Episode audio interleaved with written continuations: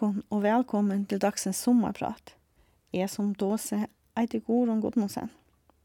Ja, detta förstår ni kanske inte helt. Men det som jag just sa var på färöiska. Hej och välkommen till dagens sommarprat. Och jag som pratar heter Gudrun Gudmundsen. Jag är född och har växt upp på Färöarna där jag har bott hälften av mitt 52-åriga liv. Inledningsvis hörde vi Iver Polsdotter sjunga med Longest, en sång som mina barn önskade jag skulle spela.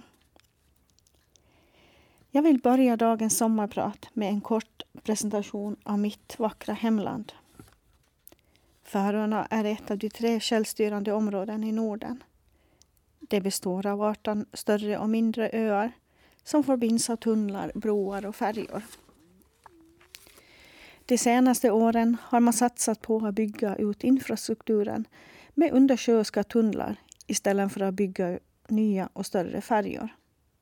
En bra investering som har gjort att befolkningen har ökat ute i de mindre kommunerna. Landskapet på Färöarna är kargt med branta klippor, ganska höga berg, gräsklädda kullar och nästan ingen skog. Enbart planterad skog. Med sina knappt 1400 kvadratkilometer landareal är Färöarna det minsta av de tre självstyrande områden i Norden.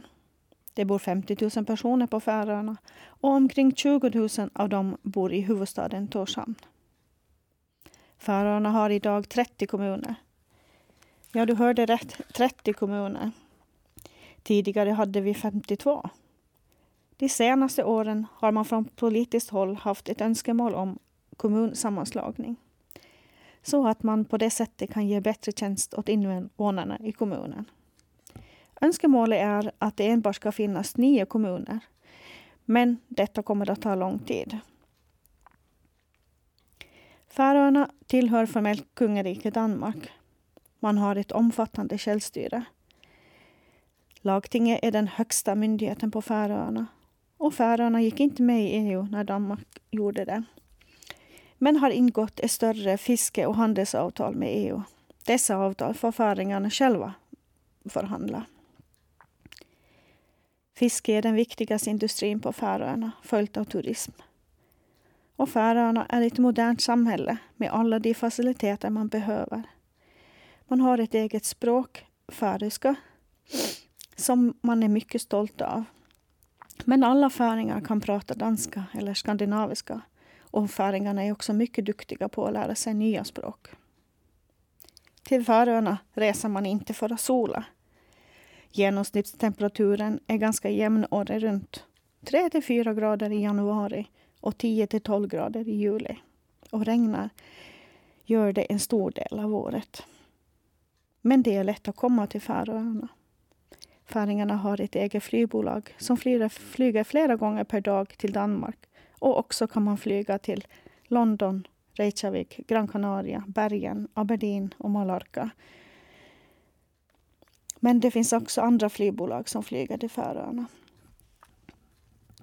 De senaste åren har turismen ökat markant och på vissa ställen kan ortsbefolkningen uppleva det negativt att ökningen har varit så stor.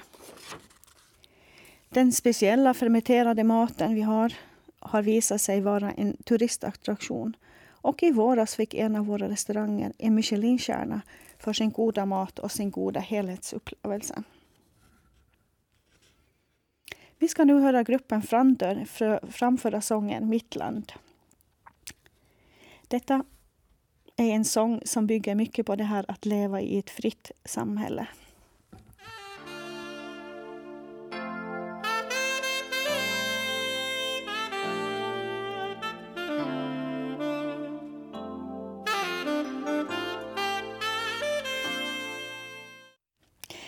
Jag som sommarpratar idag heter Gudrun Gudmundsen och just hörde vi sången Mitt land.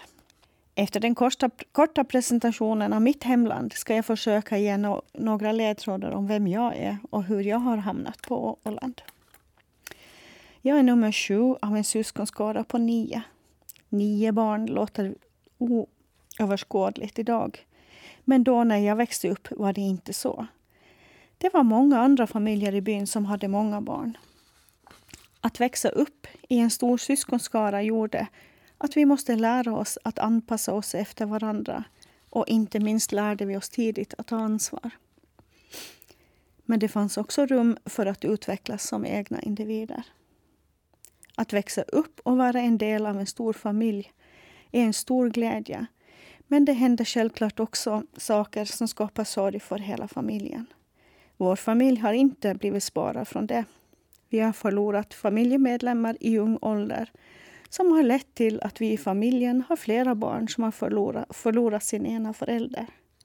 Men samtidigt har dessa händelser också gjort att vi som familj är mera knutna till varandra idag och är mera måna om att hjälpa och stötta varandra. Min pappa hade sitt arbete på sjön. Pappa hade egna fiskebåtar. Det var linebåtar och under min barndom fiskade de mest vid Grönland. Där de enorma grönlandstorskarna blev saltade ombord och när lasten var full efter cirka sex månader for de med fiskebåtarna ner till Spanien eller Portugal där fisken blev såld. En lång resa som tog minst fem dagar en väg. Ofta får fruarna med sina män på dessa turer. Jag minns speciellt en av dessa turer när mamma får med till Portugal. Ja, inte bara mamma, men också mina fem äldre bröder. Det var en mycket stormig dag i december. Jag minns att jag, min syster, vår kusin och grannpojkarna vars föräldrar också var med stod och följde båtarna tills de försvann i horisonten. I och med att vädret var mycket dåligt var det höga vågor. Kunde vi, det var höga vågor och kunde vi ibland se båtarna och ibland såg vi dem inte. Jag kommer ännu ihåg rädslan. rädslan jag hade när vi stod där. Rädslan för att havet skulle ta mina föräldrar och bröder. För vi hade ju hört om och upplevt att manskap inte kom hem igen. Havet hade tagit dem. Senare samma natt blev jag mycket sjuk och min kusins mamma, där jag bodde medan mina föräldrar var borta, ringde läkaren. Det var en engelsman som var mycket lång och jag minns att han måste böja sig ner när han kom in genom dörren. Han tittade på mig och pratade lite och så gav han mig ett äppel. Sedan sa han att jag inte hade något fel, att mina buksmärtor bara var längtan efter mina föräldrar. I 73 när oljekrisen bröt ut blev det för dyrt att fiska vid Grönland. Bränsle blev för dyrt per kilo fisk. Den ena båten byggdes om till trålare och den andra för, förblev linebåt. Det betydde också att de började fiska runt Färöarna och nu blev varje fisketur rejält kortare. De översteg sällan 10 till 14 dagar.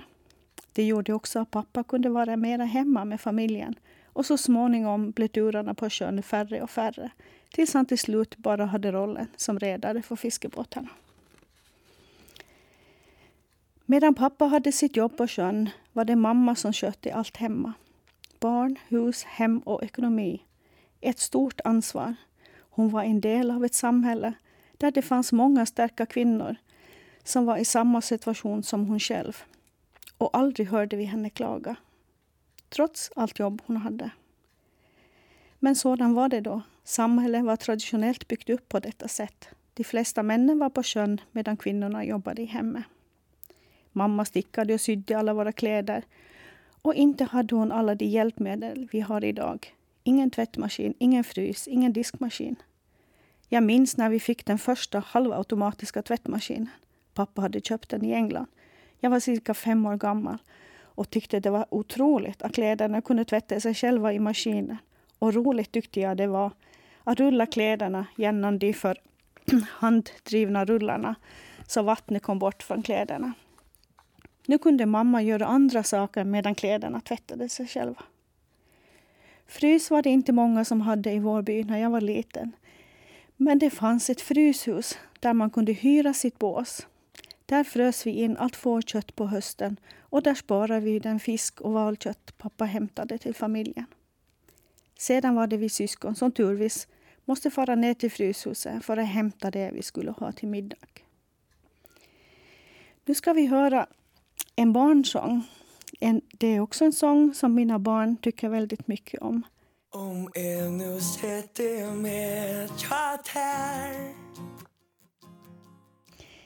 Vi hörde just Taito Lassen sjunga Sinja Samala att vi ska sjunga samma sång.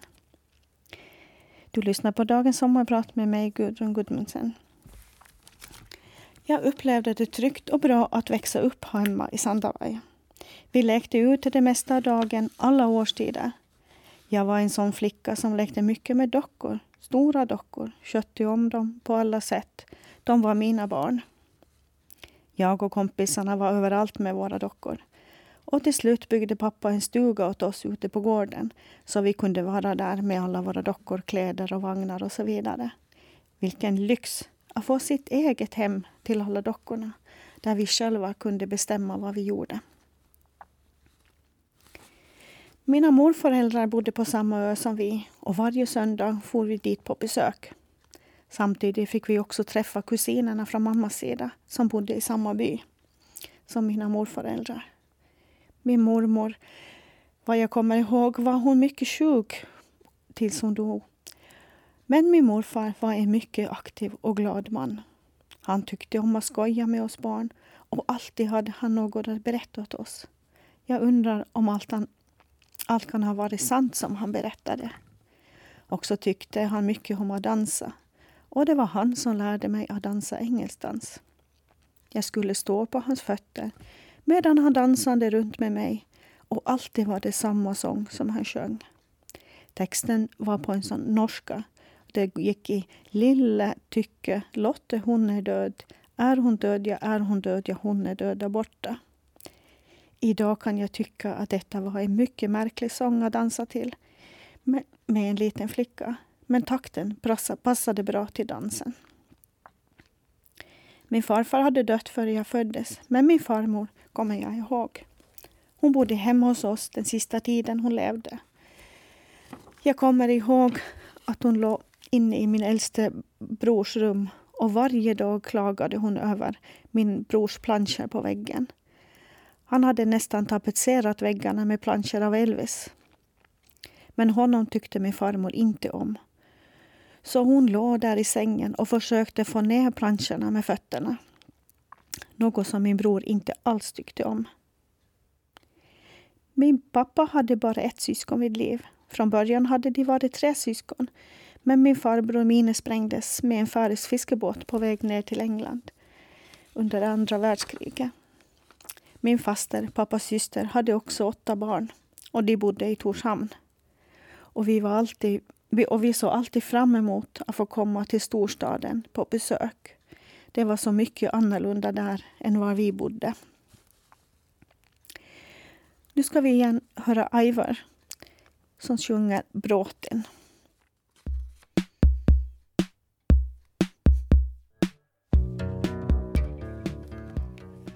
Vi hörde Ivar sjunga Bråten. I 72 började jag i skolan. Vi var 16 elever i klassen. Sju killar och nio flickor. Kommer ännu ihåg hur stolt jag var av min röda skolväska. Har den faktiskt ännu. Under första, första hälften eller första och hälften av andra skolåret gick vi också i skola på lördagar. Men i och med oljekrisen i 72 blev det beslutat att skolgång inte skulle vara på lördagar. Man skulle spara. Det bestämdes också att söndagarna skulle vara bilfria dagar. Men vad jag minns så fortsatte vi att besöka morfar på söndagar. Vad jag kan komma ihåg trivdes jag bra i skolan. Speciellt tyckte jag om ämnet handarbete, som jag var mycket duktig på. Jag älskade att virka, sticka och sy. På den tiden var det inga pojkar som hade handarbete. De hade metall eller träslöjd. Jag så var det på den var det då och ingen funderade så mycket över det. Idag vet vi bättre och skulle inte dela upp eleverna på detta sätt. Utbildningen var efter dagens mått kanske inte lika genomtänkt, men vi lärde oss det som stod i läroplanen. Ett ämne som det satsades mycket på var modersmål. Språket är, det, är en del av ens identitet Och det är mycket viktigt att man kan sitt eget modersmål bra för att också kunna uttrycka sig på ett annat språk. De äldsta texterna, färska texterna efter reformationen är från 1700-talet.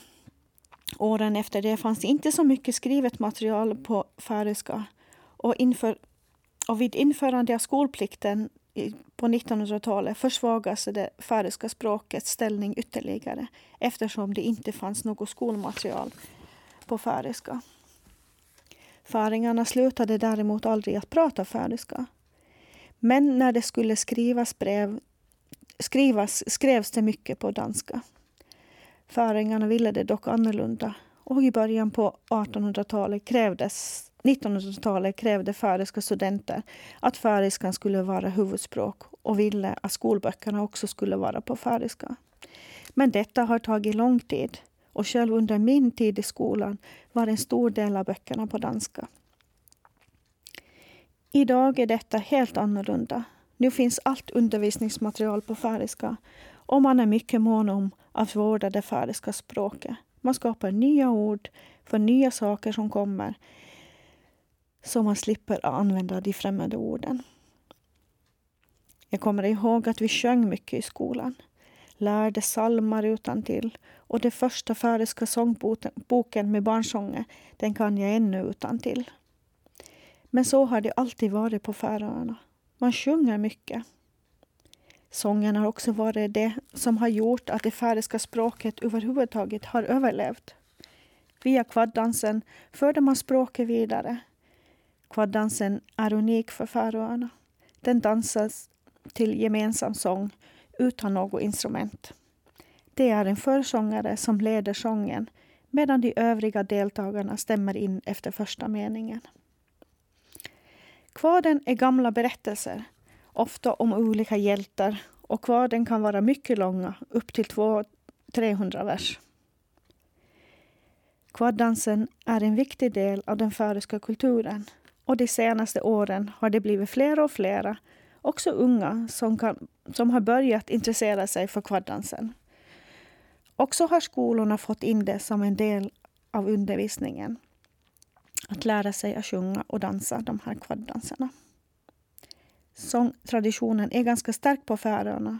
Det sägs om färingarna att finns det fler än en färing på plats så kan man vara säker på att de börjar sjunga en sång eller börjar dansa en kvaddans. Traditionen med att sjunga och dansa samt musikskoleundervisningen har varit medverkande till att vi idag har flera sångare, musiker och kompositörer som har det som sitt jobb.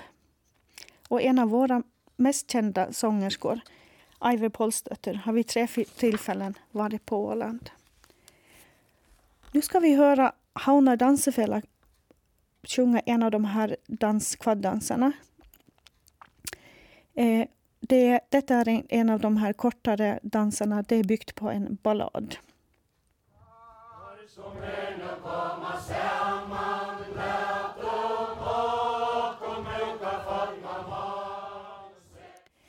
Du lyssnar på dagens sommarprat med mig, Gudrun Gudmundsen.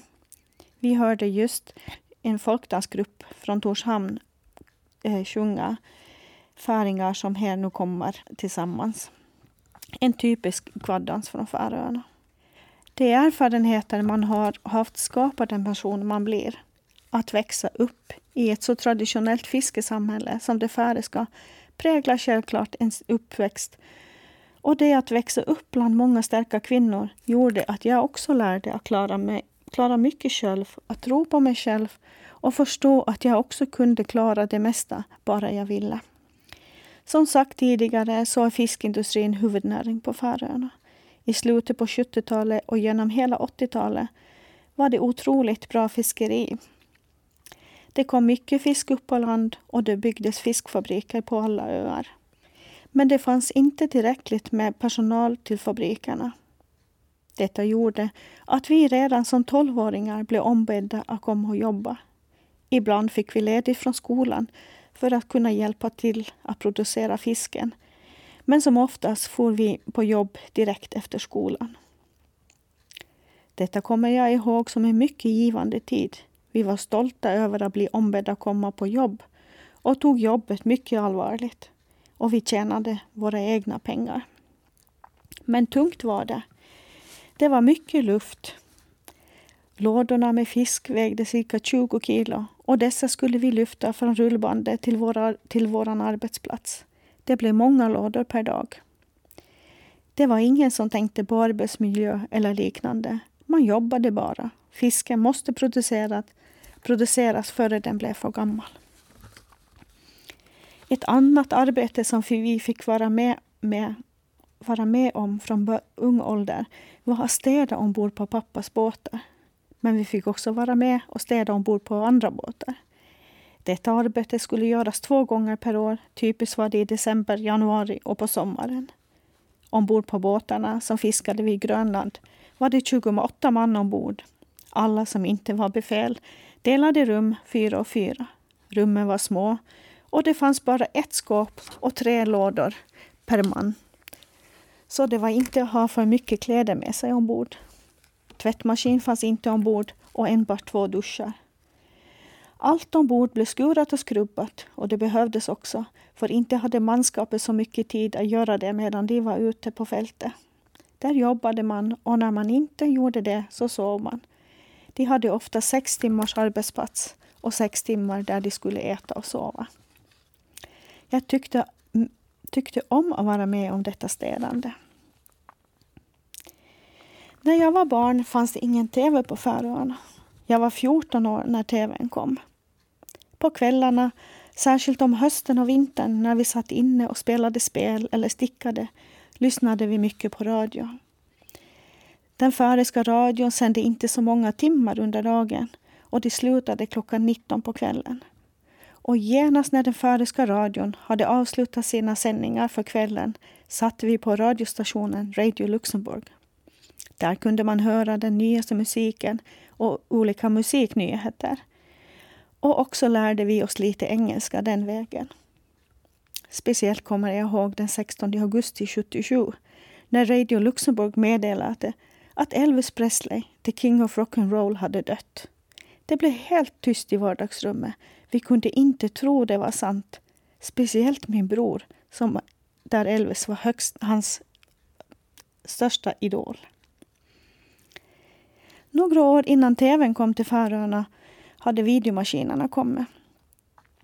Vår idrottsförening hade investerat i en sådan och en tv-apparat. Och några dagar i veckan kunde man mot betalning träffas i en av skolans klassrum för att titta på engelska fotbollsmatcher som visserligen var minst en vecka gamla och ibland några serier. Två bröder hette åtminstone en av serierna. Och så kommer jag ihåg en konsert med ABBA som visades. Den såg jag flera gånger. Musik var det mycket av i vårt hem. Vi hade en bandspelare med stora spålar. Och också hade vi en skivspelare. Mina bröder som var mellan 9 och 14 år äldre än mig var också intresserade av musik. Och jag växte upp med dunkande från Uriah Heep till Purple, Genesis, Queen, Eric Clapton, Led Zeppelin, Rolling Stones och så vidare och musik som ännu spelas, spelar en roll i vårt liv. Vi ska nu höra Uriah Heep med Easy Living.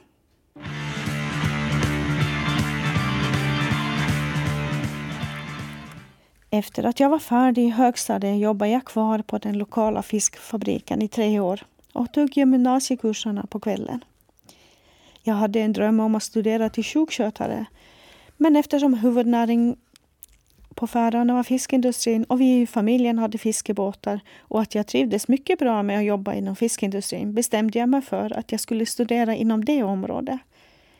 Så i 85 for jag till Vardö, helt uppe i norra Norge, för att studera till fiskeriteknolog. Vardö hade i 83 fått Norges första undersjöiska tunnel och jag kommer ihåg hur jag funderade före jag reste dit om jag nu skulle våga köra i deras undersjöiska tunnlar. Tänk om den skulle börja läcka. Och glad var jag att det var mörkt när jag första gången skulle köra i den. Då slapp jag se havet som var ovanför. Men jag lärde mig snabbt att tycka om den undersjöska tunneln. Den gjorde att vi var mycket fria och kunde komma in till fastlandet när vi ville. Den första tiden i Vardö var jobbig. Jag kunde inte norska och i min klass fanns det norrmän, ja det var enbart killar, med mycket olika dialekter. Och när jag kom hem efter skolan var jag mycket trött efter att ha ansträngt mig för att förstå vad de andra sa. Och inte förstod de heller så bra min dansk-skandinaviska. Men efter tre månader så hade jag lärt mig språket. Vardö ligger nord för polarcirkeln. Därmed var vintermånaderna mörka både dag och natt medan de sommarmånaderna aldrig blev mörkt. Vi hade midnattssol. Tiden i Vardö var mycket lärorik. Jag hade flyttat hemifrån, skulle bo för mig själv, men det var samtidigt också en frihet. Jag trivdes, lärde känna många trevliga norrmän och tyckte om mina studier. Och när utbildningen efter två år var färdig bestämde jag mig för att jag skulle studera vidare i Norge. Nu gick resan till högskolan i Bode i Nordland, ganska nära Lofoten. Där jag studerade till fiskeriekonom. En del av mina studiekompisar från Vardö började också i Bode och där fanns också andra färingar. Denna skola var mycket större. Vi var ett par hundra elever. Skolan var väldigt modern och bra utrustad för vår utbildning. Vi hade eget forskningsfartyg, eget fiskodlingsanlägg och ett mycket bra laboratorium. Och inte minst lärarna var mycket kompetenta. Så vi hade alla förutsättningar för en bra utbildning om vi själva också var aktiva. Under min sommartid sommarjobbade jag som kvalitetskontrollant vid Faro Seafood, en stor exportfirma på Färöarna. En lärorik tid som gjorde att jag for runt på de flesta fabrikerna runt om på Färöarna för att kontrollera det de producerade. Med detta kom jag i kontakt med många människor och skapade mig ett stort nätverk inom branschen. Efter att jag i 90 var färdig med min utbildning kände jag mig redo för att kunna arbeta inom den färöiska industrin. Och genast jag var färdig flyttade jag tillbaka till Färöarna där jag hade fått tjänst som produktionschef på en större fabrik. En stor utmaning för en ny, nyutbildad 25-åring. Men en utmaning som jag tyckte jag hade full kontroll över. I 92 gick flyttet tillbaka till Norge, nu till Karmøy. Vi var tre färingar som hade blivit ombedda att komma till Norge för att starta upp en ny fabrik. De hade byggt upp en fabrik på Karmøy som skulle producera fiskemjöl av sill och makrill. Men dessa båtar fick, fick också annan fisk när de fiskade. Och på den fabriken vi skulle vara med och starta upp skulle producera denna bifångst. Jag hade ansvar för att anställa all personal samt lära upp denna personal. Efter uppdraget på Karmøy var färdigt flyttade jag tillbaka till Färöarna. Meningen var nu att jag skulle gå tillbaka till jobbet på fiskefabriken, som jag också en period gjorde. Men så kom kärleken i vägen och det blev nya flytt. Under tiden i Norge hörde jag för första gången Björn Eidsvåg, en präst som jobbade bland fångar i Oslo. Nu ska vi höra Björn Eidsvåg sjunga tre minuter.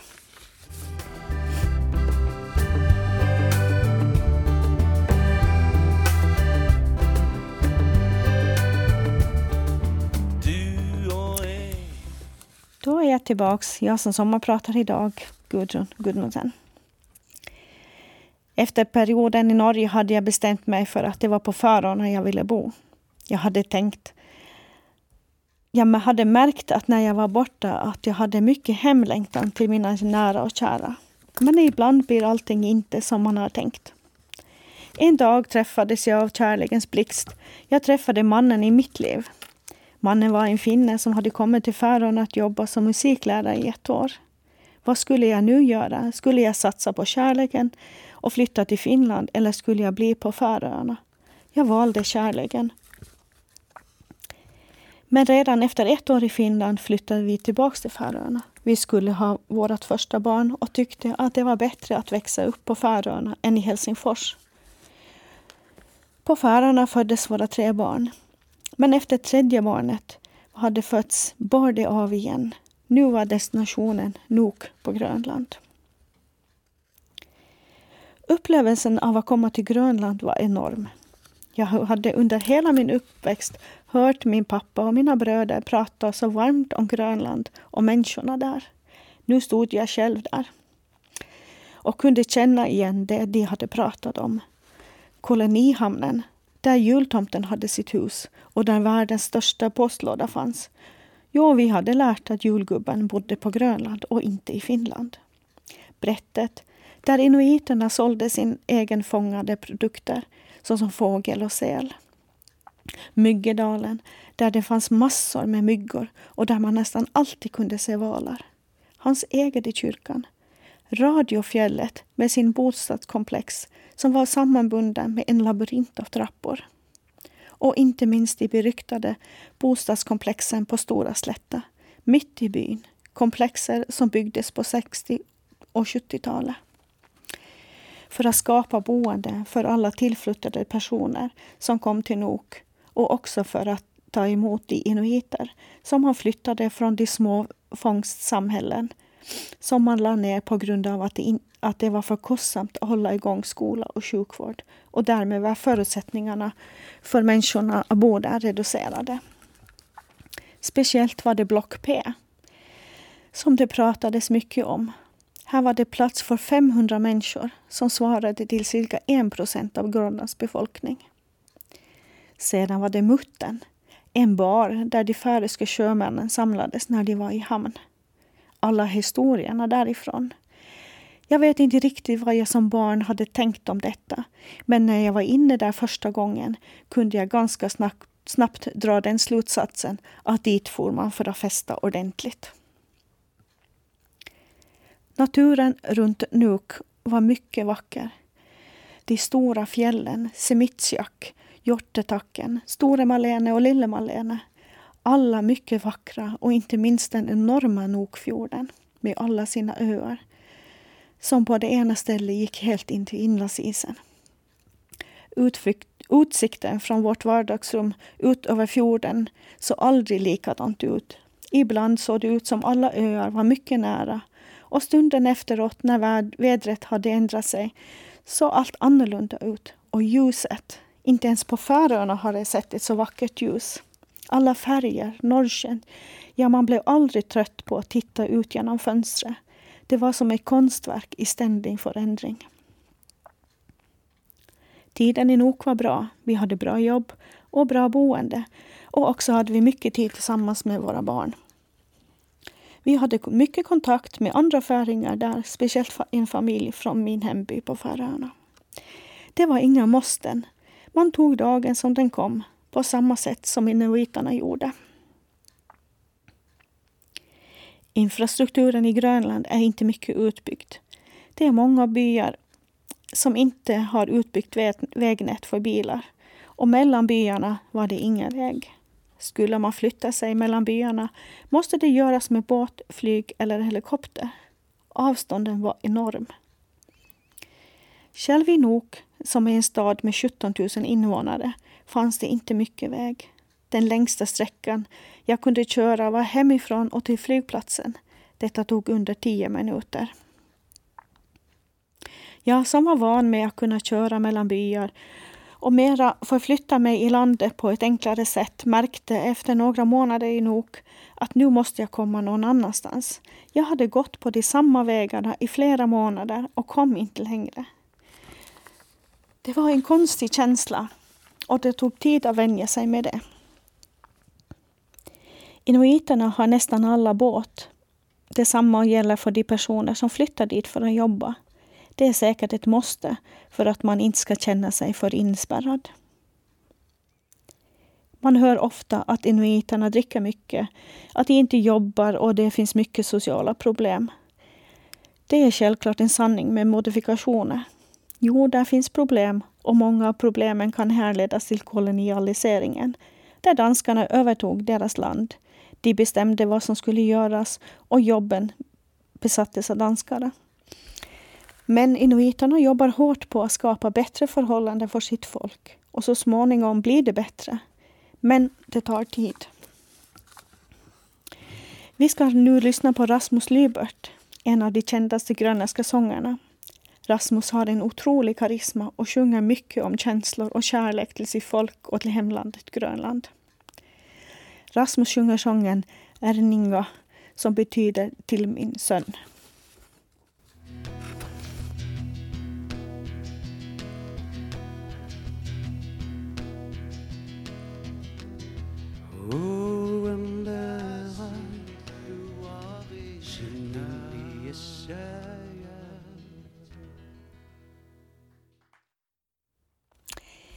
Efter tiden i Nok gick flyttlasset till Åland. Det var ingen självklarhet, det bara blev så. Meningen var att vi skulle vara här i fyra år. Jag och barnen flyttade hit en varm augustidag i början i 2002. Här var allt så grönt och vackert. Vi körde ut till öarna med vår båt och bara njöt. Vi kom till ett helt annat system än det grönländska. Vi kom till en skola och en dagvård som enligt oss fungerade perfekt. Det var ordning och reda. Vi köpte hus och barnen fick genast nya kompisar i vårt område. För oss vuxna är det kanske inte alltid lika lätt att få nya vänner när man flyttar. Men ganska snabbt blev vi bekanta med andra fotbollsföräldrar. Och som tiden gick så blev också vår bekantskapskrets större. Att flytta med små barn till ett ställe där man inte har någon familj tyckte jag var jobbigt. Man hade aldrig någon man naturligt kunde fråga om hjälp, för exempel att vara barnvakt. Man kunde inte fara till mor eller farföräldrarna på besök eller bara spontant få besök av någon släkting. Jag tyckte det var synd om våra barn som inte hade någon familj här. Därför reste vi så mycket vi kunde, både till familjen på Färöarna och i Finland, så de också kunde uppleva glädjen av att ha en stor släkt. Det fanns andra familjer i vår omgångskrets som var i samma situation som vi, med att de inte hade familj på Åland. Så vi försökte så gott vi kunde med att hjälpa varandra med till exempel barnvaktande. Idag är barnen vuxna och vi föräldrar har gått skilda vägar. Men ännu finns vi kvar här. Detta har blivit barnens hem och på något sätt har det också blivit vårat. De fyra åren har tills vidare blivit till 15 år. Att få jobb inom fiskerinäringen på Åland insåg jag ganska snabbt inte var det lättaste. Därmed bestämde jag mig för att förverkliga min ungdomsdröm att studera inom vården. Jag utbildade mig först till närvårdare med inriktning mot sjukvård och omsorg, sedan till sjukskötare. Jobbet som sjukskötare är tungt, man kan också, men kan också vara mycket givande. Det att kunna hjälpa en människa som har det svårt och kunna göra deras dag bättre var en stor glädje. Efter att ha jobbat en tid som sjukskötare fick jag möjligheten att vara med att leda projektet Äldreomsorg på distans vid Högskolan på Åland. Ett projekt som gick ut på att de äldre via internet kunde vara i kontakt med varandra och vården och där vi ett par gånger i veckan skapade direktsända program åt de äldre via nätet.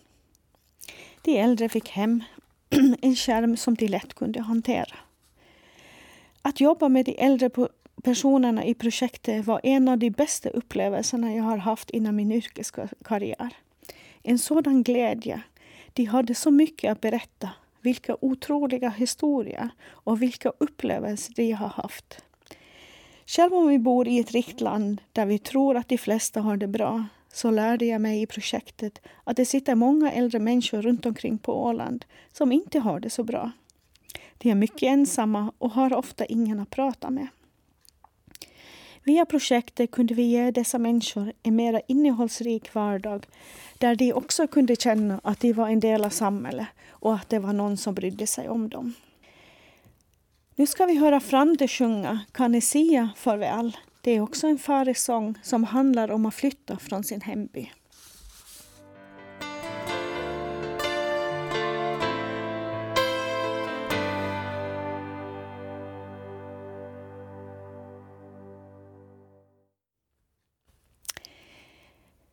Vi lyssnar på Sommarprat i Ålands Radio med mig, Gudrun Gudmundsen. Vi hörde just Frande sjunga Kan jag säga farväl. Det är en sång kanske som bygger mycket på det här med, med att flytta från, från sin hemstad. Mitt intresse för kreativa ämnen har alltid varit stort. Och när de sökte efter verksamhetsledare till Bild och formskolan i 2006 sökte jag och fick tjänsten. Det är viktigt att det finns aktiviteter för de barn och unga som är intresserade av att rita och måla eller annars bara skapa på samma sätt som det finns aktiviteter för barn som är intresserade av idrott och musik. I bild och formskolan har vi elever från 5 år till 18 år. Och ofta tänker vi att det är de äldre barnen som har, kan göra de finaste konstverken. Vi tror att konst kan förstås intellektuellt. Men vi som jobbar med de yngre barnen upplever också vilken enorm fantasi och kreativitet de har och vilka fantastiska konstverk de kan skapa utifrån sin fantasi och erfarenhet. Nordenfalk skriver i sin bok Barns bilder och solen lyste blå att barnen bär möjlighetsglasögon och att ingenting är omöjligt. Allt går att förvandla till något nytt och oväntat. Tänk om barnen kunde fortsätta att bära dessa glasögon och inte hindras eller hämmas av alla saker man ska göra. I bild och formskolan vill vi att barnen ska låta sin kreativitet och fantasi flöda och bli fångade av konstens värld och att de ska bli medvetna om det bildspråk de kan utveckla. Grunderna till vår kreativitet är fantasin. Och det är fantasin som gör att hjärnan kan kombinera nya tankar med våra tidigare erfarenheter. På så sätt är fantasin grund, grunden för det konstnärliga skapandet. För att våra elever ska få uppleva kreativitet, kreativt skapande är det viktigt att lärarna inte har bestämt hur bilden ska se ut innan barnen har börjat skapa eller måla. Det är eleverna själva som ska bestämma vilken form målningen ska få. Lärarens uppgift är att ge uppgifter till eleverna som stimulerar deras fantasi, som lockar dem till att skapa egna lösningar. Därmed är själva processen ofta viktigare än själva produkten. Vi vuxna är ofta väldigt snabba att fråga barnen vad de har gjort idag och när barnen sedan visar sin produkt svarar vi ofta ”Vad fin!” Eller det kan komma en kommentar om ”Har du inte gjort mer än det där?” Det är sällan vi vuxna frågar barnet vad dess innehåll och budskap egentligen är med konstverket och hur de tänkte när de skapade just detta konstverk. Det kunde vara att barnet hade använt den största delen av tiden på att fantisera och tänka ut hur hon ska ge, lösa just denna uppgift. I bild och formskolan är vår filosofi inte att komma dragsande med massor med teoretiska begrepp men vi vill öppna dörren till konstens värld för våra elever.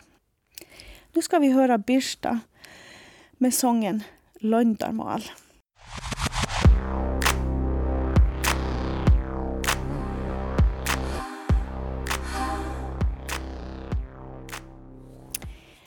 Välkommen till Sommarprat i Ålands Radio med mig Gudrun. Idag tvingas människor hålla sig rörliga för att överleva och det är få förunnat att växa upp, hitta sin försörjning och begravas på ett och samma ställe. Om det nu är det som är eftersträvansvärt. Men vi har en stark föreställning om att rötterna har en stor betydelse. Men hur är det med denna rörlighet? Skapar den en massa med rotlösa människor? Eller är det positivt att inte vara rotad på någon plats?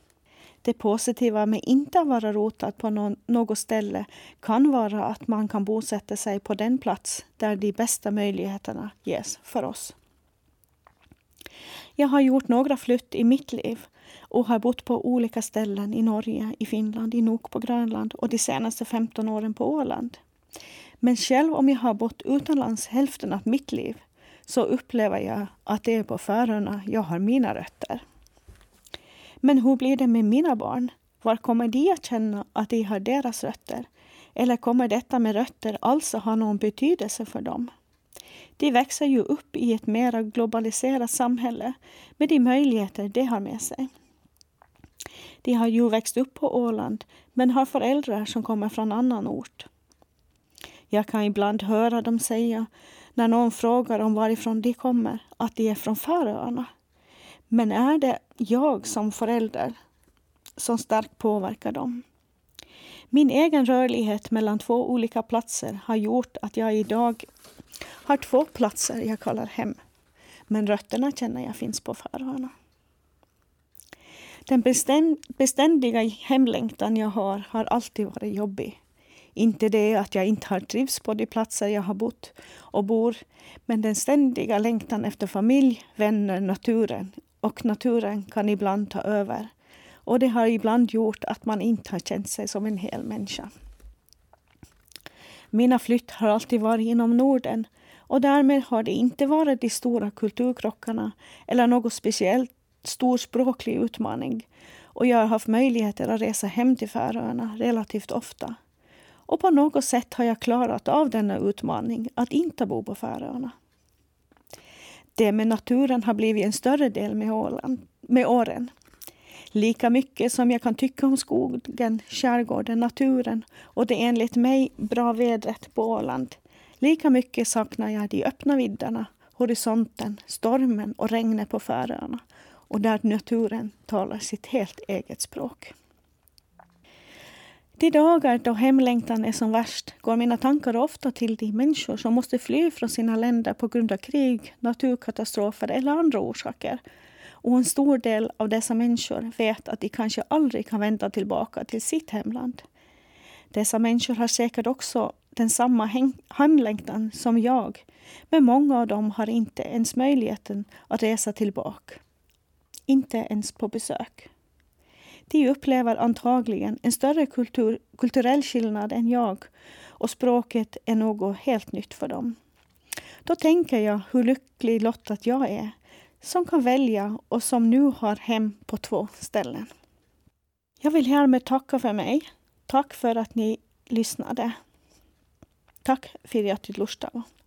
Avslutningsvis ska vi höra Adele sjunga Send My Love.